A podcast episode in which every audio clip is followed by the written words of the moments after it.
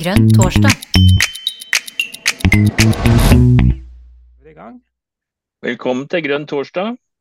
I dag er Karina Ødegaard og jeg, Jon Lurås, i redaksjonen. Og hva er det som skjer i dag, Karina? Ja, I dag så skal vi ta tempen, bokstavelig talt, eh, på klima. Fordi at vi har en gjest, Une Bastholm, som er vår stortingsrepresentant eh, på Stortinget. Jeg representerer for så vidt Akershus eh, valgdistrikt, eller fylke, da. Um, men hun har vært på klimakonferansen eh, på COP28 eh, i et svært eh, varmt sted. I, Ta tempen, var det derfor du sa det? Ta tempen. I, I, De forente arabiske emirater. Jeg antar det var ganske varmt der. Velkommen, Une. Tusen takk. Det var varmt. Det var rundt 25 grader, så det var sånn. Å oh ja, så det var vinter der? Varm, ja, varm norsk sommer, da. Mm, veldig varm. ja. Ja, og Godt du mm. unngikk sånne 50 grader og sånn, da, som man har kjent litt andre steder i verden for ikke så veldig lenge siden. Ja, og det er visst høyere temperaturer der også. Uh, mm. Men akkurat nå var det levelig, så jeg tror i hvert fall ikke det var årsaken til at det ble, ikke ble andre resultater på koppen. Nei, det, det var levelig. Hyggelig å være her. Ja, takk for at mm. du ville komme. Og så altså, kan vi jo nevne da, altså, at, at vi, har, vi, har, fått med ei anna også, som også har eh, vært med på, på COP28. Kjersti Aspheim. vi kan jo si velkommen til deg også, slik at alle vet at du har vært der. Tusen takk. Veldig hyggelig å få lov til å være her. Veldig fint å ha deg her også. Uh, Une, fortell litt mm. om, eh, om, eh, om, Coop 28. Altså, mm. du, du, har jo ikke vært der hele tiden. Når, når, var det du kom ned, og hva var det du var med på?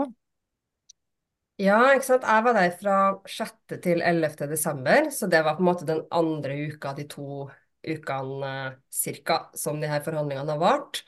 Um, og det er liksom da um, Det er litt sånn at ministerne, ministernivå, uh, er involvert litt sånn i starten, og så er det uh, mer sånn arbeidsdager, noen dager der hvor uh, altså spesialistene da, i de ulike departementene og sånn, ikke sant, jobber sammen på litt mer detaljert nivå. Og så kommer toppolitikerne tilbake siste uka og skal dra det her i land. Da, da skal man ideelt sett ha rydda unna en del sånn teknikaliteter og sånn. Uh, så jeg var der i den der siste delen av uka. Um, eller den siste uka. Og, um, men selve koppen begynte jo 30. november. Mm. Og så kan jeg jo legge til at de her, det er jo heldigvis sånn at uh, man ikke møtes på kopp, og så har det ikke vært jobba siden i fjor, på en måte. Det er jo de som jobber med det her, f.eks. i Klima- og miljødepartementet i Norge, og sånn er det jo i alle andre land også, de jobber med det hele året. Uh, og de har kontakt mye på tvers, og det er også en sånn um, halvveis eh, halvårsfot i bakken og møtes i Bonn, er det vel, eh, i juni hvert år også, som en forberedelse til denne koppen eh, hvor toppolitikerne møtes, da, statsledere til og med er det jo mange av på koppen. Jonas Gahr Støre f.eks. var jo på kopp mm. i Dubai. Um, så det var liksom de dagene jeg var der, og det er jo Når vi kom dit Um, litt sånn historiefortelling, da, for vi kommer etter hvert til resultatet sånn, men det er jo gøy å være med litt på historiefortellinga. For når vi kom dit, så var, det liksom, var man egentlig ganske sånn uh, optimistisk. Um, veldig optimistisk, vil jeg si. fordi at uh, allerede første dagen av denne koppen, altså en uke før vi kom, så hadde jo presidentskapet fra Emiratene uh, de hadde lagt fram et forslag til opprettelse av et tap- og skadefond. Og enigheten om å opprette et sånt fond. Eh, det ble jo gjort på forrige kopp for et år siden, i Sharm el Sheikh. Mm. Um, nå klart, hadde de klart å jobbe uh, sammen et forslag som var mye mer konkret allerede, som de la fram uh, allerede første dagen. Og så er det sånn på de her uh, koppene, og nå må jeg jo si allerede hva kopp er for noe, for det er jo ikke en kaffekopp. det er ikke kopp som i kopp, KOPPP, men det er kopp som i COP. og så har de et siffer bak for antall ganger hvilket antall i rekken det er. Så COP28 er da den 28. COP-en. Og COP står for Conference of the Parties. Så det er på en måte FN-ordet for at landene møtes, da. Um, og allerede første dagen, ja, så da ble det da lagt fram et utkast. Og så er det sånn på de her koppene at um, man sier at det er konsensusbasert. Det betyr at alle landene må være enige. Men er ikke, uh, det er ikke sånn at man stemmer. Så det er sånn at eh, dersom ingen object, hvis ingen liksom er- uttaler seg imot, protesterer, eh, så glir noe igjennom. Og Emiratene var helt sånn åpenbart for, forberedt og innstilt på at de skulle ha en gladsak helt på starten. Så de la den fram, hadde jobba ganske mye i forkant, la den fram, eh, og så sa de sånn Å, ingen protesterer, bang! Og så var det liksom Var alle ganske glad, og det ble god stemning. Um, og det skal man ikke undervurdere, fordi nå kommer jeg til kanskje det viktigste poenget da, i hele denne vår. Det er at tilliten er jo ganske lav eh, mellom globale sør, som da typisk får mest av klimaendringene i fanget allerede i dag, som, som rammes aller mest av, av tørke, av flom, av sykloner. Um, og de landene i, typisk i nord, de rike landene, vestlige landene, som har stått for mesteparten av utslippene historisk, eh, og også kanskje har mye inntekter. En del av oss har jo en del inntekter fra fossil energi, altså fra utvinning. Sånn at eh, tilliten er lav fordi eh, over veldig mange kopper nå så har, eh, mener jo vi da i Miljøpartiet De Grønne, eh, kanskje det er litt avhengig av hvem du spør, men vi mener jo at rike land har vært altfor forsiktige med å anerkjenne det historiske ansvaret vi har. Altså man har rett og slett liksom man vært litt for opptatt av nasjonale egne interesser og ikke imøtekomme både sånn menneskelig, men også politisk de kravene da, um, eh, fra land i sør eh, om å bidra mer med klimafinansiering, eh, bidra til større utslippsreduksjoner. Sånn at når man forhandler f.eks. For om, om utslippskutt, at alle land skal være med å ta ansvar, så stopper det en del av at land i sør opplever at vi rikingene eh, ikke engang har bidratt til å hjelpe dem over kneika, til å hjelpe dem å Mm. beskytte seg mot klimaendringer. Um, og derfor så uh, ikke dem, en del av dem er ganske negative til å inngå forpliktelser, for de mener hele, hele liksom grunn um, av ansvar her er urimelig. Mm. Um, men du fått denne gladsaken da, som er tap og skadefond, og det, det er en ny, uh, nyoppretta sak. Den handler da ikke om å tilpasse seg klimaendringer eller å, eller å um, gjøre utslippsreduksjoner, men tap og skade. Uh, fondet er jo penger som skal gå til uh, uh, fattigere land, rett og slett til å reparere for skader som allerede er uunngåelige Mm. pga. det nivået av global oppvarming vi har. sånn at de klimaendringene vi allerede ser, er som vi kan forvente selv med en maks positiv eh, liksom utvikling i utslippsreduksjoner, så vil jo veldig mange land få store skader allerede. Mm. Um, mm, og det, Derfor var man optimistisk og, når vi kom, og, og det var også god framdrift på, en, på hvert fall den ene viktige teksten. Mm, mm. Eh, Før vi går liksom løs på, på teknikalitetene og, og, og sluttresultatet og sånn, eh, hva var det mest lærerike du opplevde på tur eh, til De forente arabiske emirater, Une? Mm. Ja, vi hadde jo faktisk to dager før vi var med på Koppen, som, hvor jeg fikk lære en del om Dubai, om Emiratene, om det her kontinentet. Um, men det er mulig du lurte litt mer sånn på Koppen. Uh, men jeg kan jo si om Emiratene at um, vi var f.eks. ute på ene dagen, hadde en full ekskursjonsdag hvor vi var ute og så på verdens største solenergipark. Um, og, og den er reelt, den er størst, den største som er samla liksom, på ett sted. da. Eh, det jeg syns var interessant med det, er at det her er en kultur som eh, ikke er spesielt sterk på menneskerettigheter. Det er jo veldig lagdelt. Vel, altså, Emiratene eh, Det er jo rundt 1,5 millioner som bor i Emiratene, som, som er hva skal man si, etniske emirater, som de kaller lokale. Og så er det 12 millioner som bor her til sammen. Men alle andre enn i 1,5 er fremmedarbeidere. Og de er jo nærmest, altså, nærmest uten rettigheter. Ikke, kan aldri få statsborgerskap. Kan, jeg, så det er et veldig sånn eh, A-lag og B-lag, og store sosiale forskjeller, men ingenting av det er synlig. Så når du går rundt i Dubai, eh, så er det rent, det er rene flater, det er folk som jobber overalt. Eh, dårlig betalt. Ikke sant? Det er en veldig mm, masse flotte restauranter, deilig mat, det er luksus, og det er veldig sånn greie at man skal føle veldig luksus. Um, så det er liksom eh, veldig rart for oss nordmenn å komme dit, ikke spesielt nedpå ydmyk kultur på den måten. Men så er de jo uh, som altså de Emiratene som kultur, eller det, det jeg har møtt, i hvert fall er jo veldig høflig. Eh, veldig interessert i kunnskap og veldig uredd når det kommer til innovasjon og teknologi. og Derfor er de også sterke f.eks. på teknologi og innovasjon på fornybart, da, som Norge kan legge merke til. Og så tenker de innovasjon på litt annen måte enn i Norge. For i Norge så er det sånn vi har Enova f.eks. når vi skal drive teknologiutvikling. Så da har, vi, da har, vi, en løsning. Det har vi tenkt på, liksom. Når noe er, er på en måte eh, Vi skal fortsatt finne løsninger, og så trenger du støtte når liksom i, i, den fasen. Og så kanskje også når det skal nå markedet, så har vi av og til klart å finne noen løsninger for, at, liksom, for å skalere opp. Men ofte ikke. ikke ofte mm. så er det der en del prosjekter stopper i Norge. fordi de som har utvikla et produkt, ikke, du får ikke liksom, hjelp til å få det ut i markedet før, før det flyr, da, ordentlig. Mm. Uh, mens uh, ellers så har du volum. Så, sånn, så, det er liksom enten innovasjon, eller liksom enten teknologiutvikling, eller, eller uh, volumproduksjon. da, sant? Sånn som solcellepaneler, f.eks., som fortsatt er i masse teknologiutvikling, men det er jo en teknologi som er nok utvikla til at vi kunne rulla det ut i hele Norge.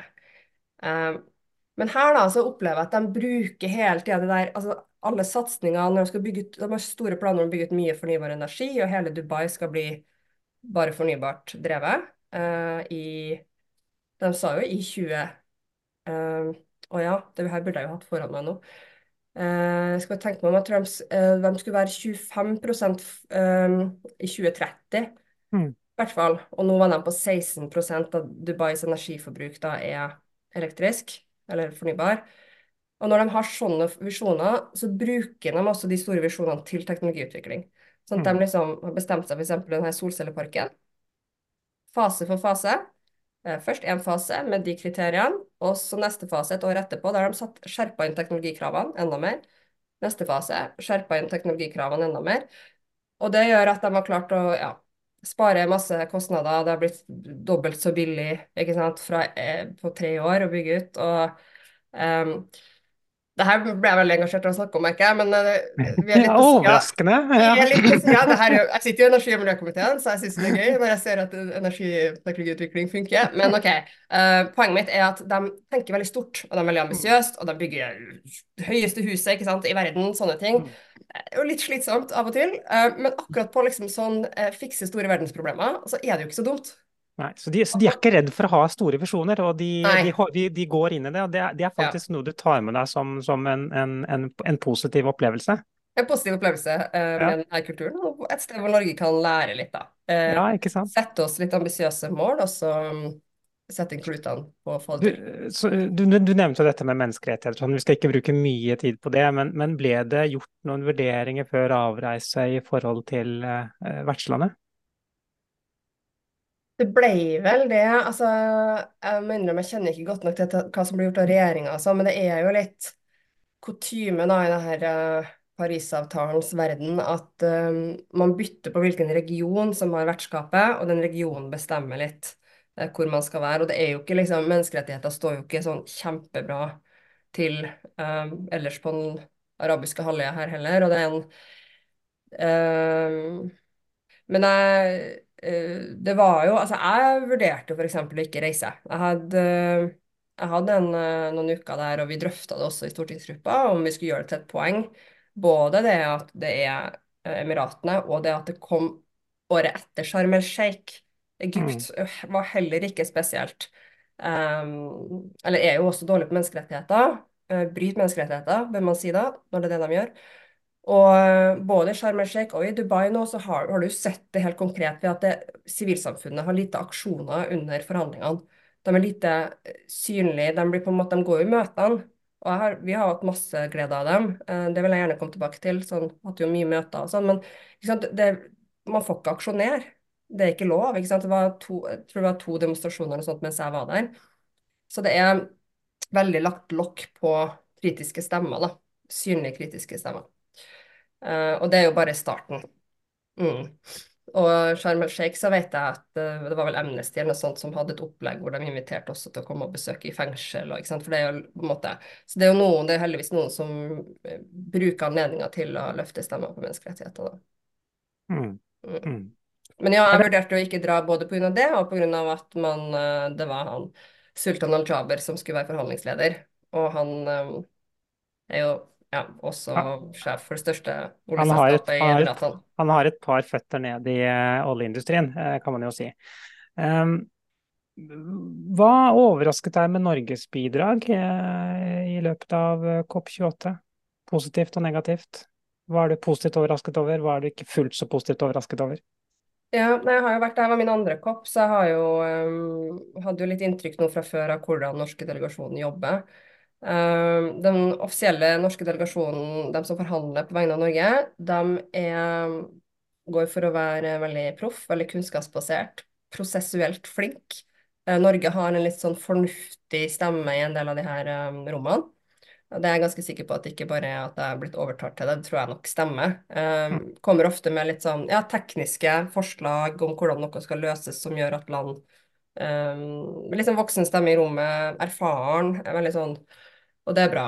Eh, og det er jo sånn at vi, da, når vi er der som stortingsrepresentanter, har en litt uklar rolle. Fordi Mm. det er jo ikke der jeg skal debattere med Espen Barth Eide eller Andreas Bjelland Eriksen om norsk oljepolitikk.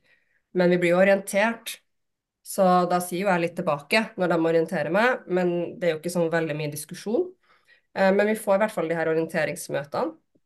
Og vi hadde jo to da med Espen Barth Eide og et med eh, Andreas Bjelland Eriksen. Sånn at det eh, Det er bra.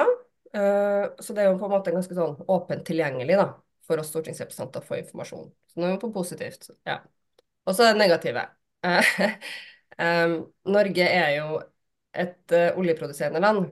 Eh, og, så, og vi er et rikt oljeproduserende land som har tjent veldig mye de siste par årene på høye energipriser. Em, og vi er i tillegg et land som har forvalta den formuen veldig godt, som mange ser opp til. Uh, og så har vi fredsprisen, og vi er demokratisk, og vi har en del sånn vi, vi har et velferdssystem som en del uh, syns fungerer ganske bra, ser uh, opp til. Um, det her gir oss ganske mye makt i det rommet, mener jeg, i forhold til størrelsen. Norge er et lite land, men vi har, vi har mye makt også pga. at våre forhandlere er flinke. Uh, og det gjør at jeg syns det er veldig trist at ikke Norge har en mer prinsipiell og politisk liksom, ren holdning um, i de her forhandlingene, og sier tydelig f.eks. at vi ser at vi har, um, om ikke et juridisk ansvar, for det er man litt redd for i Norge, at vi har et juridisk ansvar for å rette opp i skadene i et land som Kenya, da, når de, de opplever tørke. Men vi har jo selvfølgelig et, har et politisk ansvar for å anerkjenne at vi um, har stått for mye mer av utslippene i verden enn enn fattigere land, som land som Kenya, og, og at vi likevel får mindre av byrden, og også at vi er bedre i stand til, av den rikdommen da, som vi har fått bl.a. fra oljeeksporten, eh, til å takle klimaendringene. Så vi har et mye mer klimarobust samfunn. Det går ikke i like stor grad hos oss utover helt grunnleggende menneskerettigheter, eller at unger kan gå på skolen, ikke sant. Eh, sånn at eh, det eh, Og hvis vi hadde anerkjent det eh, i språk og i liksom Jeg sier menneskelig og politisk, for jeg tror det hadde gjort noe med stemninga i rommet hvis man altså, faktisk også møter For det er jo- folk det er representanter fra land her som, som gråter på talerstolen, fordi det er, det er personlig og det er opprørende at det er så urettferdig for dem. Mm. Eh, og så selvfølgelig da, at svart også på, på på en måte eh, vitenskapen og alle de her FN-rapportene som har kommet om eh, hvor stort bidrag fossil energi har i, til klimaendringene. Eh, svart på det ved å forplikte oss da, og si at når vi nå skal omstille oss bort fra fossil energi, så betyr det at vi, Norge, vi kommer til å legge en plan for den omstillinga. og, og skal gjøre det på liksom beste måten. Håper andre kommer til å se eh, til oss for hvordan vi gjør det. Vi kommer til å involvere partene i arbeidslivet. Vi, um, vi flytter investeringene over på fornybart. Vi skal vise at det her kan vi gjøre på en måte som fortsatt tar vare på liksom, viktige sosiale verdier da, for et land som Norge. Altså, tenk hvor effektfullt det hadde vært. Og det hadde gjort at sånne OPEC-land, eh, eller Kina, altså andre som samarbeider mye mindre i de forhandlingene her i utgangspunktet, mindre diplomatisk liksom sånn eh, på en del måter, eh, få- få- får jo en vanskelig posisjon i å forsvare sin manglende samarbeidsvilje og vilje til forpliktelse hvis Norge hadde lagt hodet på blokka. Men det gjør vi ikke. Vi, vi kommer liksom i sånn forslag til formuleringer som skal gjelde globalt, men det skal liksom ikke gjelde oss i Norge.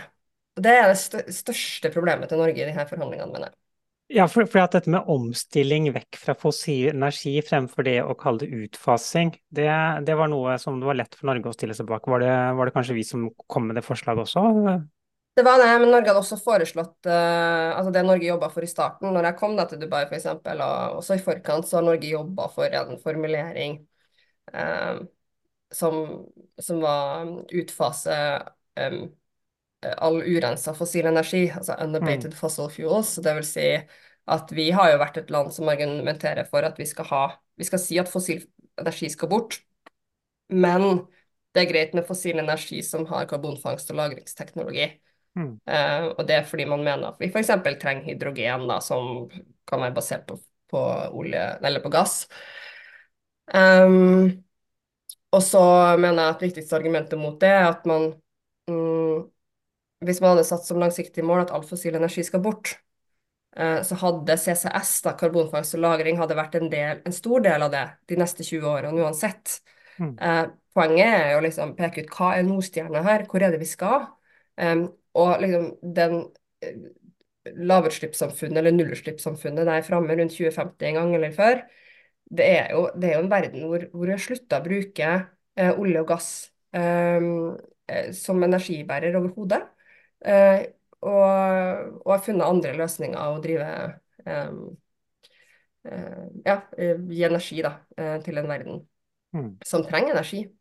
Men nå har vi jo begynt å skli over på, på resultatene, litt sånn ja, umerkelig. Det, men ja. det var vanskelig å ikke, ikke, gjøre det, for det er jo en mm. viktig, viktig, del av det naturlige talk. Og så vil jeg bare si til dere andre som er her, at det er, det er lov å bruke raise hand-funksjon, og så vil vi etter hvert slippe dere til med spørsmål eller kommentarer. Eh, det som eh, jeg tenker på i forhold til eh, resultatet, da, som jo består av mye mer enn dette punktet om, om, om, om omstilling vekk fra fossil energi. Mm. Hva er det som du er mest happy med ble vedtatt av, i, den, i den avtaleteksten? Og så vil jeg ja, jeg, vent litt, jeg har lyst til å problematisere en ting først, så kan vi ta det siden. Så kan vi gå tilbake til, til, til litt sånn good vibes. Er det mulig å ta norsk politikk seriøst når det første vi gjør etter å ha vedtatt en slik avtaletekst, er å begynne å søke til flere olje- og gassfelt? Nei, jeg mener jo vi undergraver veldig um, både Parisavtalen som system og den teksten som man jobba veldig lenge med å få på plass. Eh, når vi gjør det. Og, mm. og, særlig fordi vi har vært et land som har vært ganske aktive i de forhandlingene her og prøvd å få til en formulering om fossil omstilling, utfasing, ikke sant.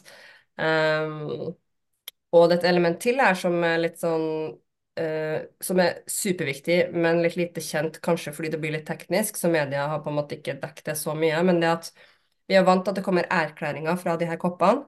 Mm. Men i år, for første gang, så var det ikke bare en erklæring som en politisk erklæring. Den, faktisk, den er faktisk forpliktende. Den er også juridisk forpliktende, fordi Parisavtalen er juridisk forpliktende. Eh, det man gjør for første gang i år, da, er at man, og som er stedet hvor den teksten her som vi diskuterer, har kommet inn, det er det som kalles den globale gjennomgangen, eller Global, Global Stocktake, GST, hvis noen har rota seg inn i noen dokumenter og eh, sett den forkortelsen. Um, det er en gjennomgang av alt det vitenskapelige grunnlaget vi har eh, på klima, og så skal han liksom ta en sånn slags fot i bakken politisk. Hvor, langt, hvor, hvor bra har vi vært til liksom, eh, Hvor flinke har vi vært til å oppnå eller gjøre det vi forplikta hverandre til å gjøre eh, da vi oppretta Parisavtalen i 2015? Og, eller den ble vedtatt i 2015, da.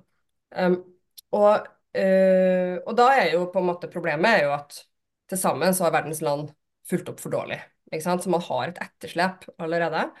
Og nå tok man den foten i bakken, og det her er en del av, av Parisavtalens liksom, system, struktur, som er forpliktende, og som står i Parisavtalen at skal skje. At man hvert eh, femte år er det vel har en, denne gjennomgangen. Um, sånn at um, Derfor er også den der avtaleteksten fra i år, da, eller um, sluttforhandlingsteksten, eller hva man kaller det, den, den er mye mer forpliktende enn um, veldig mye annet enn f.eks. også naturavtalen, den teksten for et år siden. Jeg har vært på sånn ettårsjubileumsfeiringa i år for naturavtalen eh, i Montreal. Den var jo superbra, men ikke så forpliktende. Ikke juridisk forpliktende, f.eks. Det er Mm. denne teksten. Så Mm. eh, det var jo veldig langt svar på et uh, kort spørsmål du hadde som utfordrer, egentlig. Og det er klart, nei. Den, uh, vi gjør jo en veldig dårlig jobb med å være ambassadører for hele Parisavtalens mm, system for å få ned utslippene i alle land og sørge for mer rettferdig omstilling Mm. ved å gjøre det motsatte av det vi akkurat snakka for Mm. kom inn. Mm. Men det er jo fine ting i avtalen, og, eh, og sikkert noe som kan gi litt håp eh, for noen, eh, kanskje. Ja, for noen vet vi. Altså, vi har jo en par ministre som mener at det er mye håp i denne avtalen. Mm. Men, men, men hva tenker du, hva, hva tenker du er bra med denne avtalen, som, som vi kan tross alt være fornøyd med, da? Ja, altså det er fortsatt grunn til å være fornøyd med at fossil energi er nevnt. Det er jo litt teit, tåpelig, dust at vi er nødt til å være fornøyd med at i hele tatt fossil energi er nevnt. Eh, Men sånn, der er vi, folkens. Og det er fordi at det er det her konsensussystemet. Så selv om liksom 90 av verden er klar for å si det med mange streker under svaret, så er det noen land da eh, som ikke har ønska det. Og derfor så er den litt forsiktige formuleringa omstilling vekk fra eh, fossil energi eh, viktig. For den stadfester på en måte noe som har vært vanskelig å få til en enighet om før. Uh, denne GST-en, da, eh, teksten, den inneholder også punkter om energiomstilling. Um, og det defineres da som Man har blitt enig om en tripling av fornybar energikapasitet.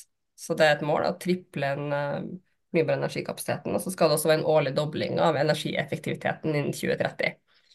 Årlig dobling, altså, av energieffektivitet. Um, uh, og så kan det være verdt å merke seg at det her er bra, men at uh, Det internasjonale energibyrået har regna på det her, og det gjorde de faktisk liksom, mens de forhandlingene pågikk.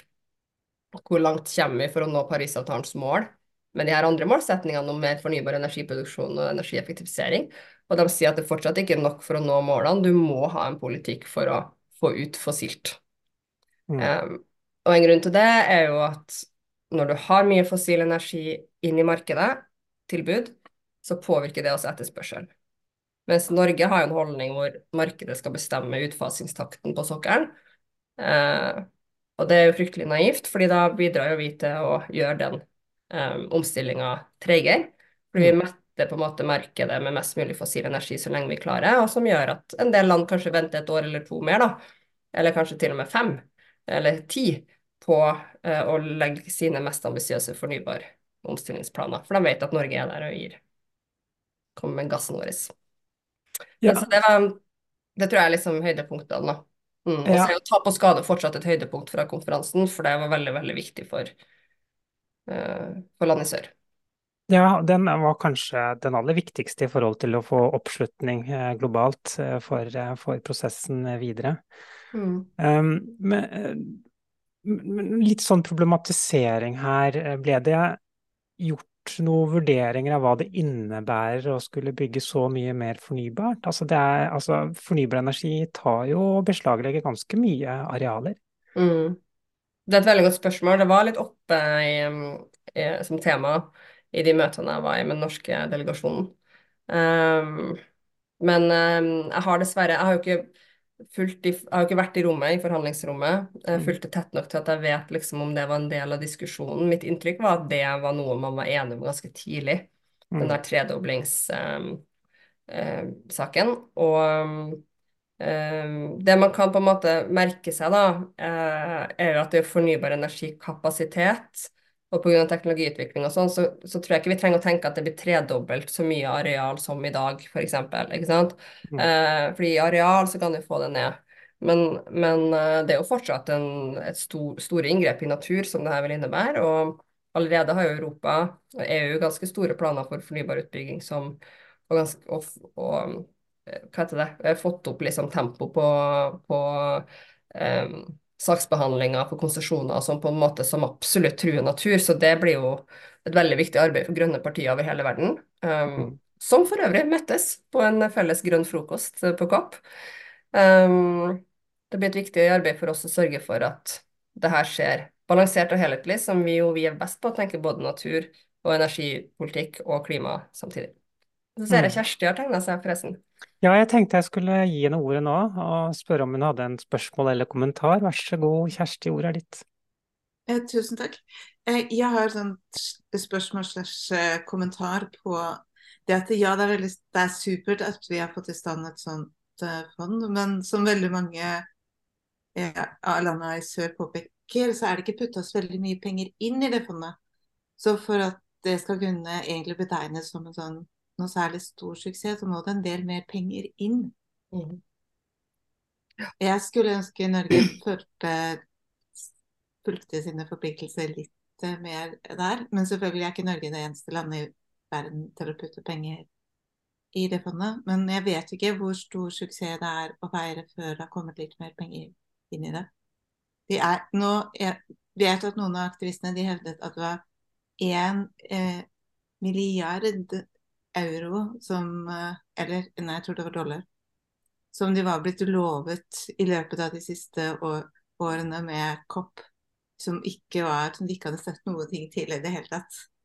Så de mente at det, de allerede så skyldte COP-landene dem igjen milliard. Det er helt absurd. Da Mm. blir det mye Hvis det er liksom trenden det ligger på, da, at man lover veldig mye penger, og så kommer, kommer det ikke noe penger, så, så har det, er det begrensa verdi. Og spesielt hvis Verdensbanken skal ha ansvaret, som jo er kjent for å gi ut lån, og ikke, ikke konkrete penger. Vil du kommentere, Une? Ja, det, um, um, det her er jo ting som Det, er det er helt riktig, det Kjersti sier, så det har vært reaksjoner på det. Um, jeg tror likevel det er viktig altså Man må jo ha på plass fondet før man kan putte inn penger. Um, så akkurat når det kommer til tap og skade, så har det ikke vært noe det har ikke vært noe ordning da, for utbetaling av den typen uh, skader, f.eks. Tenk sånn um, et syklonutsatt område eller en flom. Um, hele, helt lokalsamfunn eller store deler av liksom, et land som blir ramma av en flom. Det har, har ikke vært noe system for, for utbetaling, fordi det verken er klimatilpasning eller klimatiltak før. Sånn at det å liksom ha, et, ha en system for det er jo viktig, fordi land typisk har lyst til å kunne rapportere tilbake til sine innbyggere. Norge òg, da. Hvis vi gir bistand, så vil vi kunne si hvordan pengene blir brukt, og at det må være et eller annet system for å måle det. Så jeg tror det er bra at det har kommet på plass, men det er jo- helt, helt kjemperiktig og veldig bra at Kjersti eh, fikk, fikk inn det nå, for vi må jo snakke om hvor mye det altså Det forplikter jo til å, legge, til faktisk bidra, da. Og Norge kom jo dagen etter, eller samme dag igjen, med våre 270 millioner inn i det her tap- og skadefondet eh, som en nyhet. Um, det er jo penger som vi kunne stille med så fort, fordi vi tok det selvfølgelig fra der vi bruker å ta andre ting fra når vi skal finansiere noe som er utenfor Norge, bistandsbudsjettet. Sant? Så da er det andre gode tiltak som har fått mindre penger. Og kanskje tiltak, tiltak eller prosjekter eller lokalsamfunn som i verste fall satt og hadde bruk for og trodde at de skulle få de pengene her og har planlagt for det. Så det er jo ikke bra, tenker jeg, og veldig veldig viktig at vi følger opp. Jeg føler et personlig ansvar for å følge, opp også fordi at jeg har vært på Koppen og jobber med de her temaene så, i Stortinget da, og sørger for at um, vi legger press på regjeringa på liksom, begynne å komme med friske penger til alt det vi trenger av klimafinansiering fremover, og også tap og skade. Um, vi i MDG mener jo at vi burde fått en stortingsmelding som så alt det her med klimabistand uh, i ett, fordi det er mye her som er um, omdiskutert. Uh, Kjersti nevnte jo noe av det. det er også at man, man er uenig om man har oppnådd målet som ble satt for hvor mye vestlige land skulle bidra i klimatilpasning, eller inn i klimafondet til nå, fordi man regner forskjellig. Så Norge eksempel, er veldig stolt over at vi har nådd målene, eh, til og med før tida, sier vi. Men det er jo mye av det er at vi har mobilisert privat kapital, som det kalles. Altså man går inn um, i ordninga hvor staten har én rolle, men så får du inn da også mye privat kapital som er med å ta risiko, da, f.eks. For, for et prosjekt. Um, og det det er ikke noe gærent med det. Det er bare det at um, det er kanskje bra å ha noen mål også, bare for hvor mye vi skal gi offentlige midler i seg sjøl. Uh, og det er veldig viktig, tenker jeg, å få stadfesta i Stortinget at de her um, klimafinansieringa skal ikke tas for bistandsbudsjettet, den 1% som i dag går til bistand. Altså fytti rakkeren, i verden i dag, det er jo i hvert fall ikke mindre behov enn det har vært før.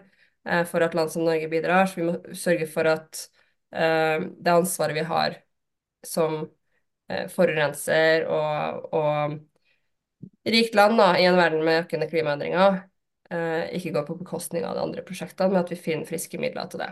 Og så mener jo MDG at vi burde brukt mer av oljefondet til alt det her, da. Det krever noen lovendringer i hvordan oljefondet er rigga. Mm. Det er jo flere ting som vi kan følge opp eh, som politikere her, i hvert fall. Det er i hvert fall helt sikkert. Eksempel så er det et punkt om at det, landene skal lage nye nasjonale klimaplaner for utslippskutt og tilpasning for perioden frem til 2035. Og planene skal leveres til FN mellom november 2024 og februar 2025. Og de skal være mer ambisiøse enn dagens planer. Eh, nå er de ikke overambisiøse, de planene som eh, regjeringen har, så det skal vel ikke så mye til for å få det til. Eh, men her er i hvert fall et punkt vi kan følge opp, tenker jeg. Ja, det, det, det kommer en stortingsmelding neste år, og den kommer, den kommer på høsten. Jeg tror kanskje det kommer til å nærme seg vinteren, ut ifra ting, ting, jeg fikk høre i dag. Da. Um, så som en stortingsmelding om klima, den var i utgangspunktet tenkt å bare handle om um, perioden etter 2030. Uh, og skal da peke på det nye målet til Norge i 2035, som ligger an til, ut ifra det jeg hører nå og det Miljødirektoratet har sagt, og sånn, ligger an til å bli 60% Vi skal ha 60% utslippskutt i 20, um, 2035 mm. i Norge, men 80 mm. til sammen. Altså hvor vi legger opp til å gjøre ganske mye gjennom sånne fleksible mm. mekanismer med EU og, eh, og, til og med internasjonale kvoter, da, som mm. vi er mer kritiske til. Mm. Så, eh, der ligger det masse spennende arbeid. Og i tillegg så har jo Stortinget nå, fordi vi laga masse baluba eh, om det, i um, en sak som jeg var saksordfører for som, om klimaloven, laga vi mye baluba rundt at regjeringa har egentlig ikke lagt fram planen sin for utslippskutta til 2030 heller, for Stortinget. Mm. Um, det har de putta inn i den grønne boka, som de kaller det. På innpust og utpust snakker jeg om grønn bok. Eh, der ligger det jo en, eh, på en måte regjeringas skisse til hvordan de skal nå målet i 2030, men det er ikke vedtatt i Stortinget. Så det har vi lyst til å få behandla, så det skal vi også behandle da neste år. Mm, mm. Litt seint. Litt seint, det, det, det, det, kan du si. Vinteren 2024, da er vi det seks år før vi skal ha nådd målet. Så ja, hei hvor det går. Ja. Nei da, beklager, det var ikke meninga. Eh, vil du ha en kommentar eller spørsmål, oppfølgingsspørsmål, Kjersti, før vi slipper til Stefan? Ja, gjerne.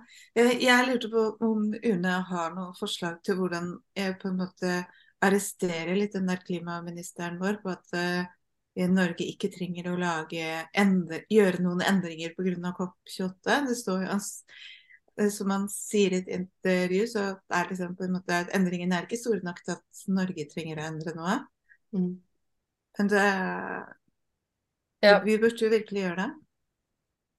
Det er jo Terje Aasland som var ute og dagen etter altså Espen Barth Eide og Andreas Bjelland Eriksen har knapt rukket å komme hjem eh, fra Koppen før oljeministeren sier at det her skal ikke ha noe betydning for Norge.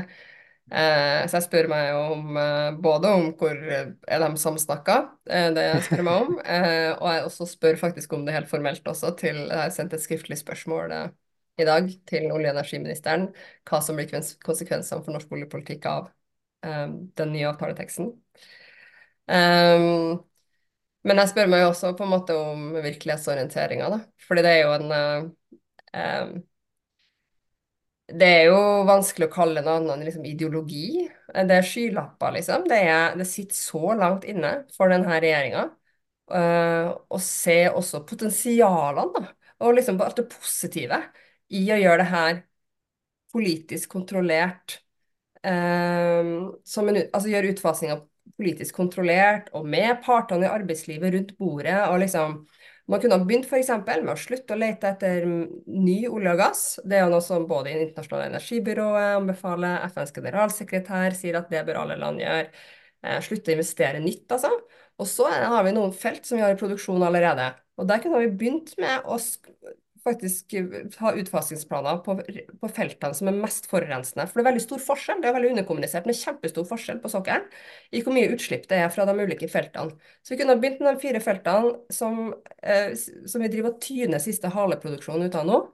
Eh, som, som, innebærer at det krever veldig mye energi, så det er veldig forurensende felt. Vi kunne ha begynt med å bare lage i hvert fall planer for dem.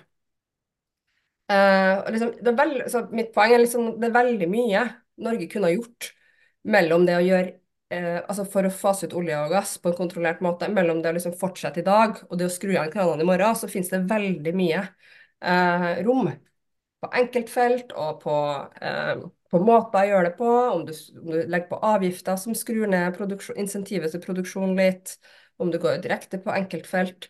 Men, vi, men Terje Aasland sier jo vi vil ingenting. Og de er jo livredd for å få eh, fiender i oljebransjen. Eller bare misfornøyde stemmer. Eh, og det forteller meg veldig mye om hvor mye makt denne næringa har i Norge. Og det skal vi huske senest i dag nå. Så eh, laga jeg baluba i energi- og miljøkomiteen i møte, fordi at det er to, komite, nei, to konferanser som eh, energi- og miljøkomiteen bruker å reise på hvert år som regnes som obligatorisk, som er en sånn komitéreise, formell komitéreise. Det er Sandefjordkonferansen, som er en stor sånn lobbymesse mellom myndighetene og oljenæringa. Og så er det ONS i Stavanger, som også er en stor oljekonferanse. Mens vi har ikke noe tilsvarende for alle fornybarkonferansene som finnes. og sånn. Så det er, det er, en veldig Det er tette bånd mellom oljenæringa og, og, de store partiene i Norge. Det, at, det handler om det, liksom, tror jeg. Mm. Makta sitter der. Ja, jeg hadde jo på en måte skjønt om det var olje- og energiministeren som sa at uh, dette har ingenting å si for norsk oljepolitikk uh, sånn helt i starten, men når det er miljøministeren som sier det, da, da, begynner jeg å, å lure litt da. Eh, Stefan, vær så god. Ja, han har jo sagt det samme. Ja, noe av det samme. Mm, Terje Aasland har vært enda tydeligere, dessverre. Mm. Ja. ja, hallo. Hører, hører, dere meg? Ja da, det gjør vi. Ja, ja så bra. Nei, jeg bare tenkte å spørre om Eh, det er jo veldig mye snakk om utslipp, og det er jo det som er hoved, uh, hovedmålet. holdt jeg på å si, Men det er jo penger oppi alt dette her, så jeg bare lurte på Var det noen gang snakk om Eller hørte du mye om uh, klimarisiko og sånt? For det kan jo være et viktig verktøy for å, for å se på hvor mye potensielt du kan spare på å gjennomføre klimatiltak.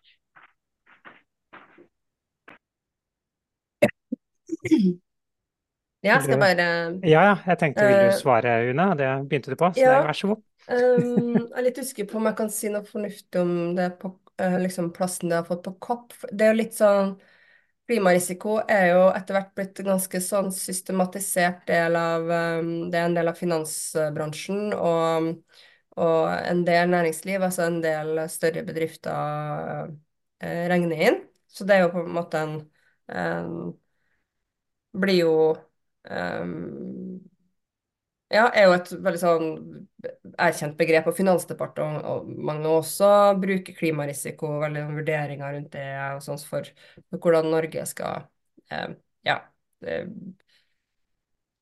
vurdere skadene da, av klima fra klima av ulike typer investeringer.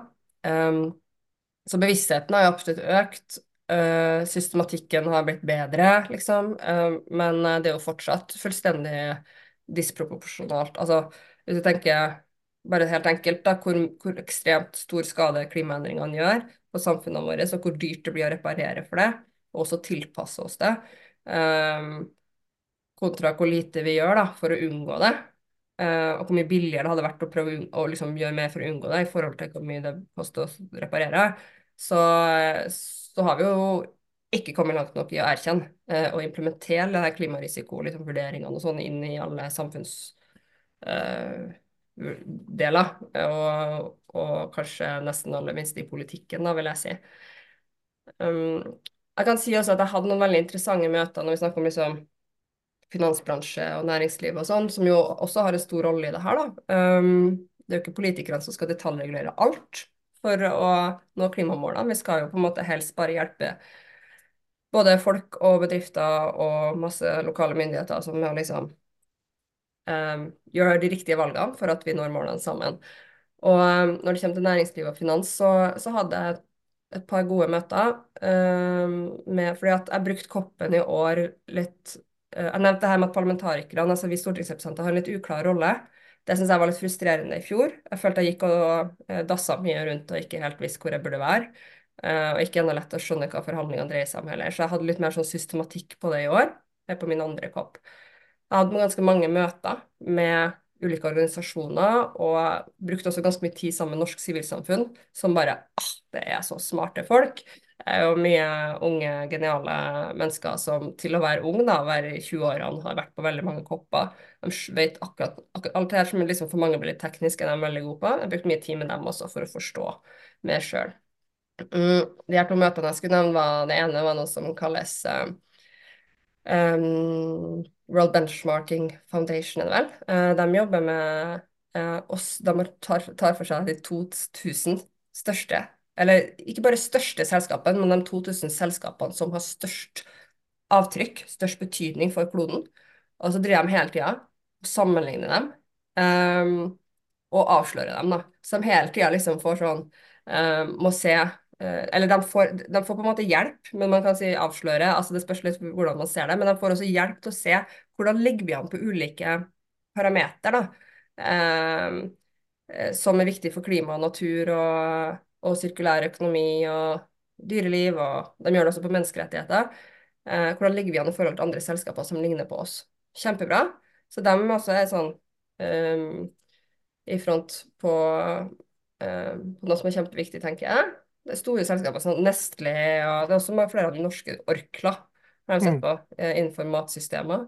Mm. Um, en annen organisasjon jeg har møtt, uh, en annen som kalles uh, Blended Finance Task Force, uh, som ser på hvordan um, hvordan egentlig man kan ja, hvordan skal jeg forklare det, da?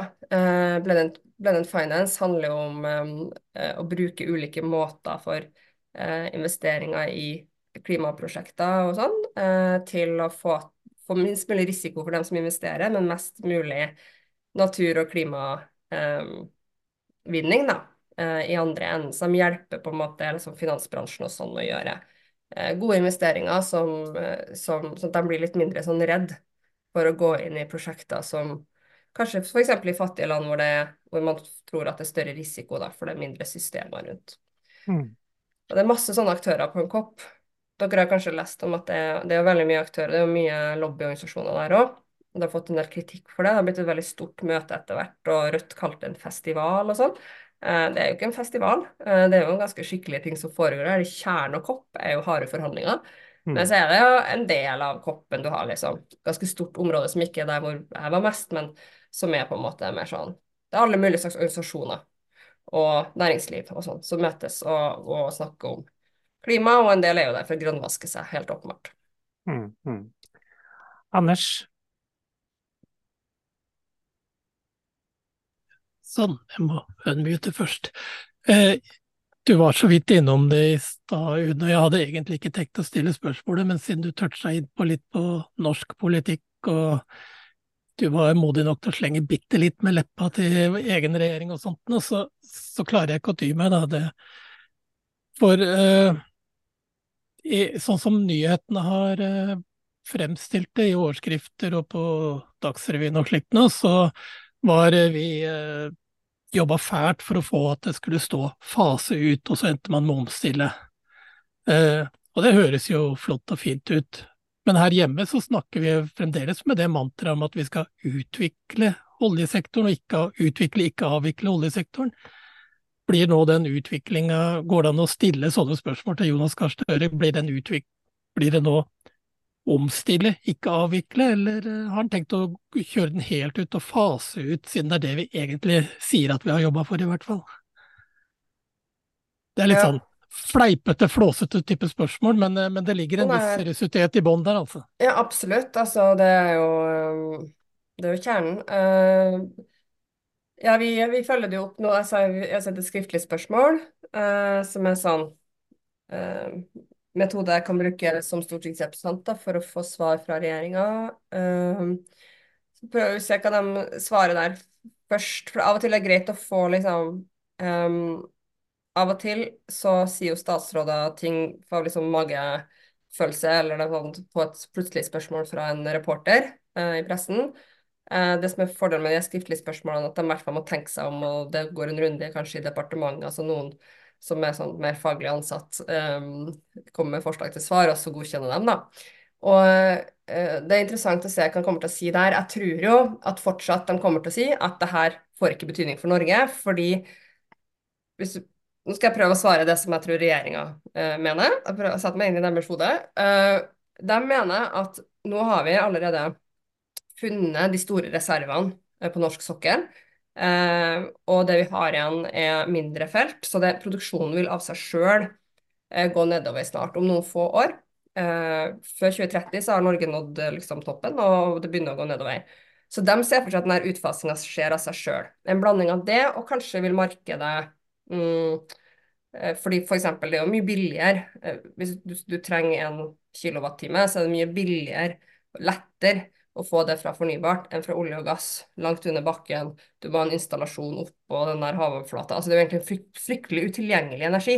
Det er bare at den er så energitett ja, og, og, derfor så har den en veldig, verdi, veldig uh, verdifull uh, ja, ja, som energibærer, men også som for Norge, som vi tjener mye penger på. da. Det er Veldig mye ja, penger i hver dråpe, kan du si. Og, um, men de håper jo, eller håper, det vet jeg ikke om de gjør, men de, de, tenker kanskje at ja, så kan det være at markedet på en måte også gjør at en del av de feltene Markedet kommer til å styre, oljeprisen kommer til å styre hvilke felt som etter hvert blir lønnsomme og ikke, og så vil de på en måte gradvis skrus ned. Og så har vi liksom avvikla det, tenker de. Det er avviklinga. Så de vil ikke at politikerne skal si sånn uh, vi skal omstille, vi skal avvikle. Eller vi, omstille, vet jeg, tør de kanskje å si da, men vi skal avvikle eller um, utfase. Det vil de ikke si. Fordi det her er noe som markedet kommer til å gjøre av seg sjøl. Det er to ting som er fullstendig uansvarlig med det. Det ene er jo at, eh, som jeg var innom i stad, det gjør at Norge fortsetter som et demokratisk rikt, eh, trygt, stabilt land, i motsetning til Putins Russland. Eh, fortsetter å forsyne det europeiske markedet med så mye fossil energi vi klarer, som gjør at i verste fall Europa omstiller seg saktere. Eh, og i hvert fall store deler av verden kan gjøre det, for du vet at det er, jo, det er jo Europa som tar imot gassen vår, men olje eksporterer vi jo til eh, langt utover Europa. Eh, det andre eh, veldig uansvarlige ved det, eh, er jo at eh, det må jo være noe av det minst sosialdemokratiske Norge har funnet på. Uh, altså her har Vi liksom sånn, vi har klart å opparbeide en kjempestor næring, og vi sier at her jobber det du får ofte høre om hvor mange som jobber i oljenæringa, det er jo et sted mellom 150 000 og 200 hvis du regner med alle ringvirkningene. Men det er jo mange færre, mye færre som jobber på oljeplattformene, altså. Men alle dem, da. Skal ikke de få lov til å sitte ved bordet og være med og bestemme litt hvordan denne omstillinga skal skje? Skal det være markedet en plutselig oljeprisfall som gjør at masse av dem mister jobben over natta? Og for meg så er det et under at ikke Arbeiderpartiet ser at det her er jo veldig utrygge arbeidsplasser, som de bare egentlig med åpne øyne sier at vi tar ikke noe ansvar for hvordan de jobbene eh, avsluttes. Det skal være en oljepris og toppene i oljeselskapene som skal bestemme når folk mister jobben og ikke. Det er jo eh, det er ganske sjukt. Det er, det er så sosialt da veldig uansvarlig, eh, syns jeg. Um, og så er det jo um, i tillegg kan jeg si sa det var to ting, men det er kanskje tre ting. at eh, som, Når Norge gjør det, da, så undergraver vi jo også momentumet rundt denne teksten for alle andre land. Så vi er jo en unnskyldning, fordi vi er jo liksom de snille her, da. Vi er snille oljeprodusenter, liksom. Eh, vi bruker samme argumenter som absolutt alle andre land. Alle sier at de har den reneste gassen, den reneste kull, den reneste olja. Um, men vi har i tillegg det der med fredspris. Og, liksom, vi har en del andre ting som gjør at Norge har en standing for å være et demokratisk og fornuftig og snilt og godt organisert land. Og så fortsetter vi også. Det har en veldig stor eh, symbolsk effekt, som, og den symbolske effekten får en stor reell effekt på omstillinga til verden. Mm. Så vi må fortsette å pushe på det der. Åpen. Jeg trenger hjelp. Jeg trenger hjelp. hjelp! Ja, jeg tror det er mange som ønsker å hjelpe deg med det, Une. Sigve, mm. du har eh, et spørsmål eller kommentar, vær så god. Ja, noen kommentarer. Det er jo fint å høre på uh, under. Det, jeg tror det er lurt at uh, drar ned og, og uh, får litt Coop-erfaring. Og så må bygge seg opp. Og jeg tenker også på dette her at det var det skadefond eller erstatningsfondet som var det 270 millioner du snakket om. Som de gir. Samtidig så tar jo re regjeringa og bevilger over 100, over 100 milliarder årlig nå fram til 2030 til utvikling, som vi snakker om, av olje. Støtte, støtte, til olje. Så her kan vi hamre litt og, og jamre litt på regjeringa, tenker jeg. Og så er det dette med Du sa dette med de feltene som er gamle og, sånn. Det er en god idé. Følg opp det. Hvis de krever mye energi, så har vi et godt poeng. Og andre var det du sa om dette med seminarer som dere drar på. Oljemessen i Stavanger kjenner vi godt til. Der har vi jo vært mange ganger. Og, og, eh, hvis vi da kan få tak i skape et initiativ til å skape andre energimesser som driver på andre, med, med fornybart utenom atomkraft, da, som eh, araberne kommer til å satse veldig på nå framover, så tenker jeg f.eks. vi har jo dette med bergvarme. I Kongsberg så har vi alle formålshus er bergvarme, oppvarmet fra jorda. Det er mye enklere og det er mye billigere og tar ikke så mange råmaterialer.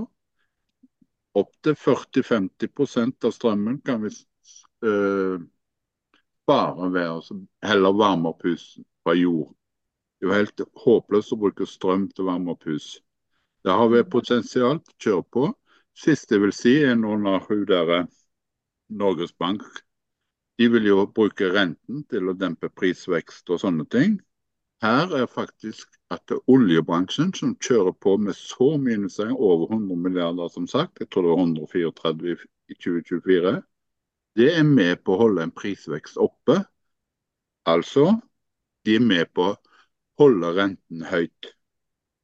Så hvis vi nå er med på å skape en ny narrativ, en ny historiefortelling til norske folk, som er bekymra for lommeboka si, hvis de vil ha høy rente, ja, stå på og støtte oljeindustrien. Takk. Takk skal du ha, Sigve. Vil du kommentere litt, eller skal vi sette ordet over til Kjersti, og så kan du få en sluttkommentar? Jeg kan jo bare utkvittere to av dem. for det, Det her med de fire feltene det kunne jeg snakke så selvsikkert om fordi vi har fremmet et et representantforslag i går. Så det, har vi, det ligger i Stortinget nå. Uh, det er litt ny politikk, så det er litt gøy. Um, sikkert ikke overraskende at MDG kommer med det, men det er jo et veldig flott arbeid gjort av vårt oljenettverk. For vi har et nettverk i MDG av folk som har erfaring og jobba i olja. Um, og som sammen med vår nestleder Ingrid Liland har jobba fram et sånt. Og så har vi i stortingsgruppa tatt det, bare sett litt på det, justert det litt, og så har vi fremma vi det i går, da, som forslag. Det andre jeg hadde lyst til å si var det her med renta er et kjempegodt poeng, og det var ganske sånn viktig um, eh, viktig del av vårt alternative statsbudsjett, som mm. Lan Marie Berg har ansvar for som finanspolitisk talsperson, eh, som vi la fram nylig, eh, som et alternativt forslag til statsbudsjettet til regjeringa. Og der har, eh, skrevet litt om det, eh, at sant, man, man, er veldig forsiktig med investeringer i fornybart og mye annet, eller sånn, mye annet investeringer som på en måte skal skal tas ned for å sørge for at du ikke får en oppheta økonomi, mens vi liksom fortsetter å køle på som bare det. Um, på norsk sokkel. Og der jobber det jo folk, da, så det er jo penger som vil gi um, Som er med på å hete opp økonomien. I motsetning til bistandsmidler, f.eks., som ikke ville heta opp norsk økonomi, og mye tryggere å bruke raust av i tider hvor vi har lyst til å roe ned økonomien litt hjemme. Mm. Kjersti, vær så god. Eh, du må være kort, for vi nærmer oss eh, tiden for å avrunde. Jeg skal prøve å være superkort. Jeg er det noen mulighet for å uh, erklære noen form for mistillit til en regjering som ikke legger nye, ny oljepolitikk? Eller ta, ta en uh, minister til kontrollkomiteen, f.eks.? Fins det noen sånne løsninger? Å gå litt hardere rett til verks politisk? Ja, vi har jo um, det er jo ikke utenkelig at det kommer til å skje fra noen partier uh, i løpet av denne regjeringsperioden, basert på oljepolitikken. Um, uh, sånn, så spørs om det er mulig, det er mulig. Mistillitsforslag er alltid mulig, men det er jo sånn som du gjerne vil prøve å hvert fall få litt flere partier til å stemme for, da kanskje når du fremmer det. Uh, hvis ikke så blir det på en måte litt sånn Uh, det er vel litt tendensen at ikke sant, da setter vi på en måte tilliten litt på prøve. og da, da, Det vi egentlig gjør, er at vi tvinger mange partier til å ta stilling tillit eller ikke tillit. Og hvis da på en måte bare MDG har stemt for mistillit basert på oljepolitikken, så er det på en måte en veldig ryggdekning da, for eh, Terje Aasland sin linje, kan du si. Så det er sånn man må vurdere. Um, men jeg tenker at det er noe vi kunne ha snakka med andre partier om, og burde jo være basert på noe konkret, da. Og det er jo ting som skjer nå som er ganske konkret. Um, det kan være en egen grønn torsdag, tror jeg, men hvordan, hvordan um, um, regjeringa unngår å gjøre en del vurderinger i oljepolitikken som de egentlig er pålagt å gjøre i utredningsinstruks og annet, som gjør at det blir litt kunnskapsbaserte beslutninger. Eksempel så vet man jo ikke utslippene fra eh, feltet, eh, de globale utslippene, og det er jo noe som Norsk institusjon for menneskerettigheter som en oppfølging av høyesterettsdommen har sagt at man er nødt til å gjøre, og det er også nå akkurat vært um, rettssak uh, i Høyesterett igjen uh, om de sakene her, så det blir veldig spennende å se hva Høyesterett um, lander på da, i den siste klimarettssaken, eller ja, kalle det klima, klimasøksmålet. Men uh, det handler jo om, om en spesifikk PUD, plan for utvikling og drift, som er vedtatt i Stortinget, hvor, hvor de mener at man egentlig bryter loven da, og kravene til um, som forvaltninga har til å liksom ta uh, beslutninger basert på faktiske vurderinger. Du skal vise åpent hvordan du har vurdert, og det, har, det gjør de ikke, for de bare av gammel vane banker ting gjennom. Det ene er det, og det andre er barnerettigheter, som jo også begynner å bli mer og mer pålagt gjennom FN-systemet å vurdere. Hvordan påvirker det her barns rettigheter gjennom deres livsløp, gjennom et helt liv. Det gjør vi heller ikke i det hele tatt i oljepolitikken. Så det, det her har jeg begynt å liksom nerde på litt eh, og blitt veldig opptatt av. Um, jeg har jo, ja, Så det, det, kommer jeg gjerne tilbake og snakke om en gang. jeg merker det også. Det er mange ting som kan ta litt tid når man putter på en femøring. er det man sier. Du skal ikke se bort fra at du får, eh, får napp på, på den anmodningen der, Une. Uh, uansett, eh, tusen, tusen takk for, eh, for, at du har kommet hit og brukt av din fine tid, og det gjelder dere alle, alle andre også, av vår fine tid her sammen for å uh, diskutere og snakke litt om COP28. Jon, sitter du igjen med noe inntrykk uh, etter denne timen? Ja. Jeg lytta jo mye, mye, mye, i dag, og det er jo Man må jo leite lette litt etter eh, positive ting, men eh, sånn som den, det fondet, det, det, er jo bedre at det kommer enn at det ikke kommer. Og så får vi pushe på at det kommer penger dit.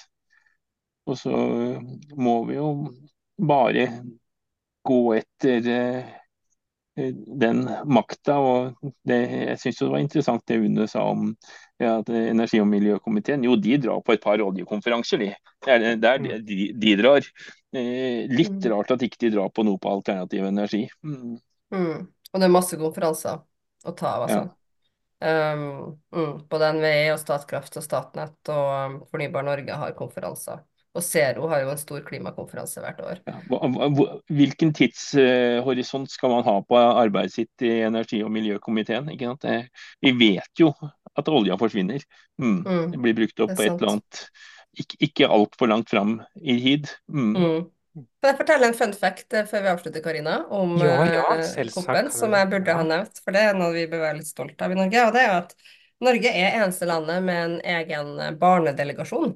Oh. Det er det ikke alle som vet. Uh, det er da um, de som heter Miljøagentene, som er barneorganisasjonen til Naturvernforbundet. De har jo oppretta noe som heter Barnas klimapanel.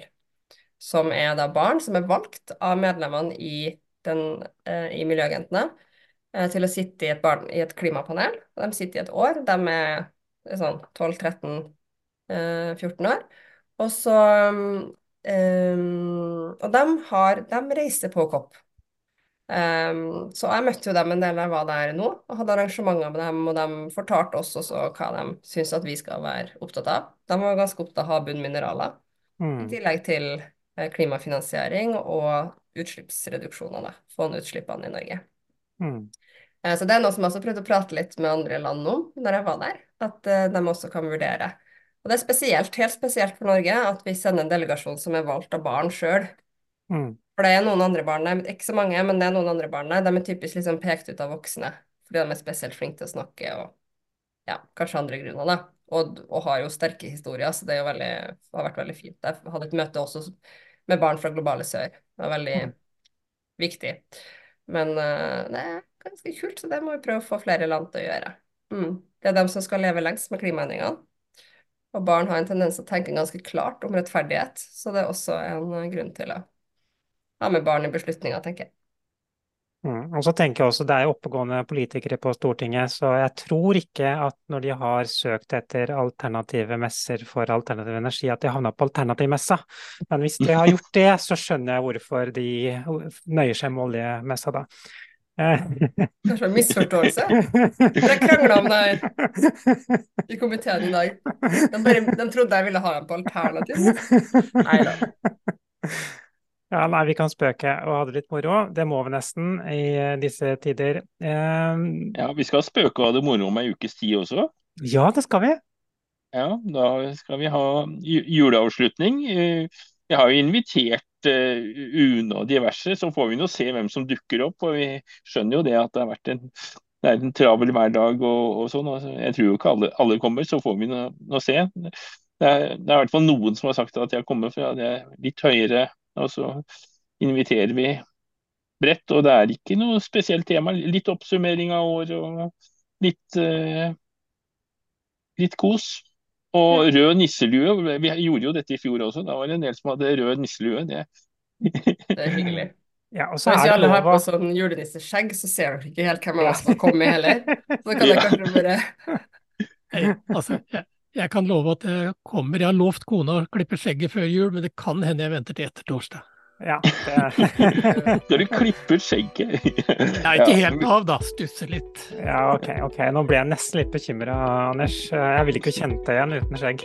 Jeg har, fått, jeg har fått kjeft for sånt før, jeg, så det går bra. Ja, Veldig veldig bra. Nok en gang tusen tusen takk, Une. Eh, og takk til Kjersti og alle dere andre også. Eh, så ses vi forhåpentligvis til litt over en gløgg eh, på neste torsdag. Så får dere ha en riktig fin kveld videre, alle sammen, folkens. Ha det godt.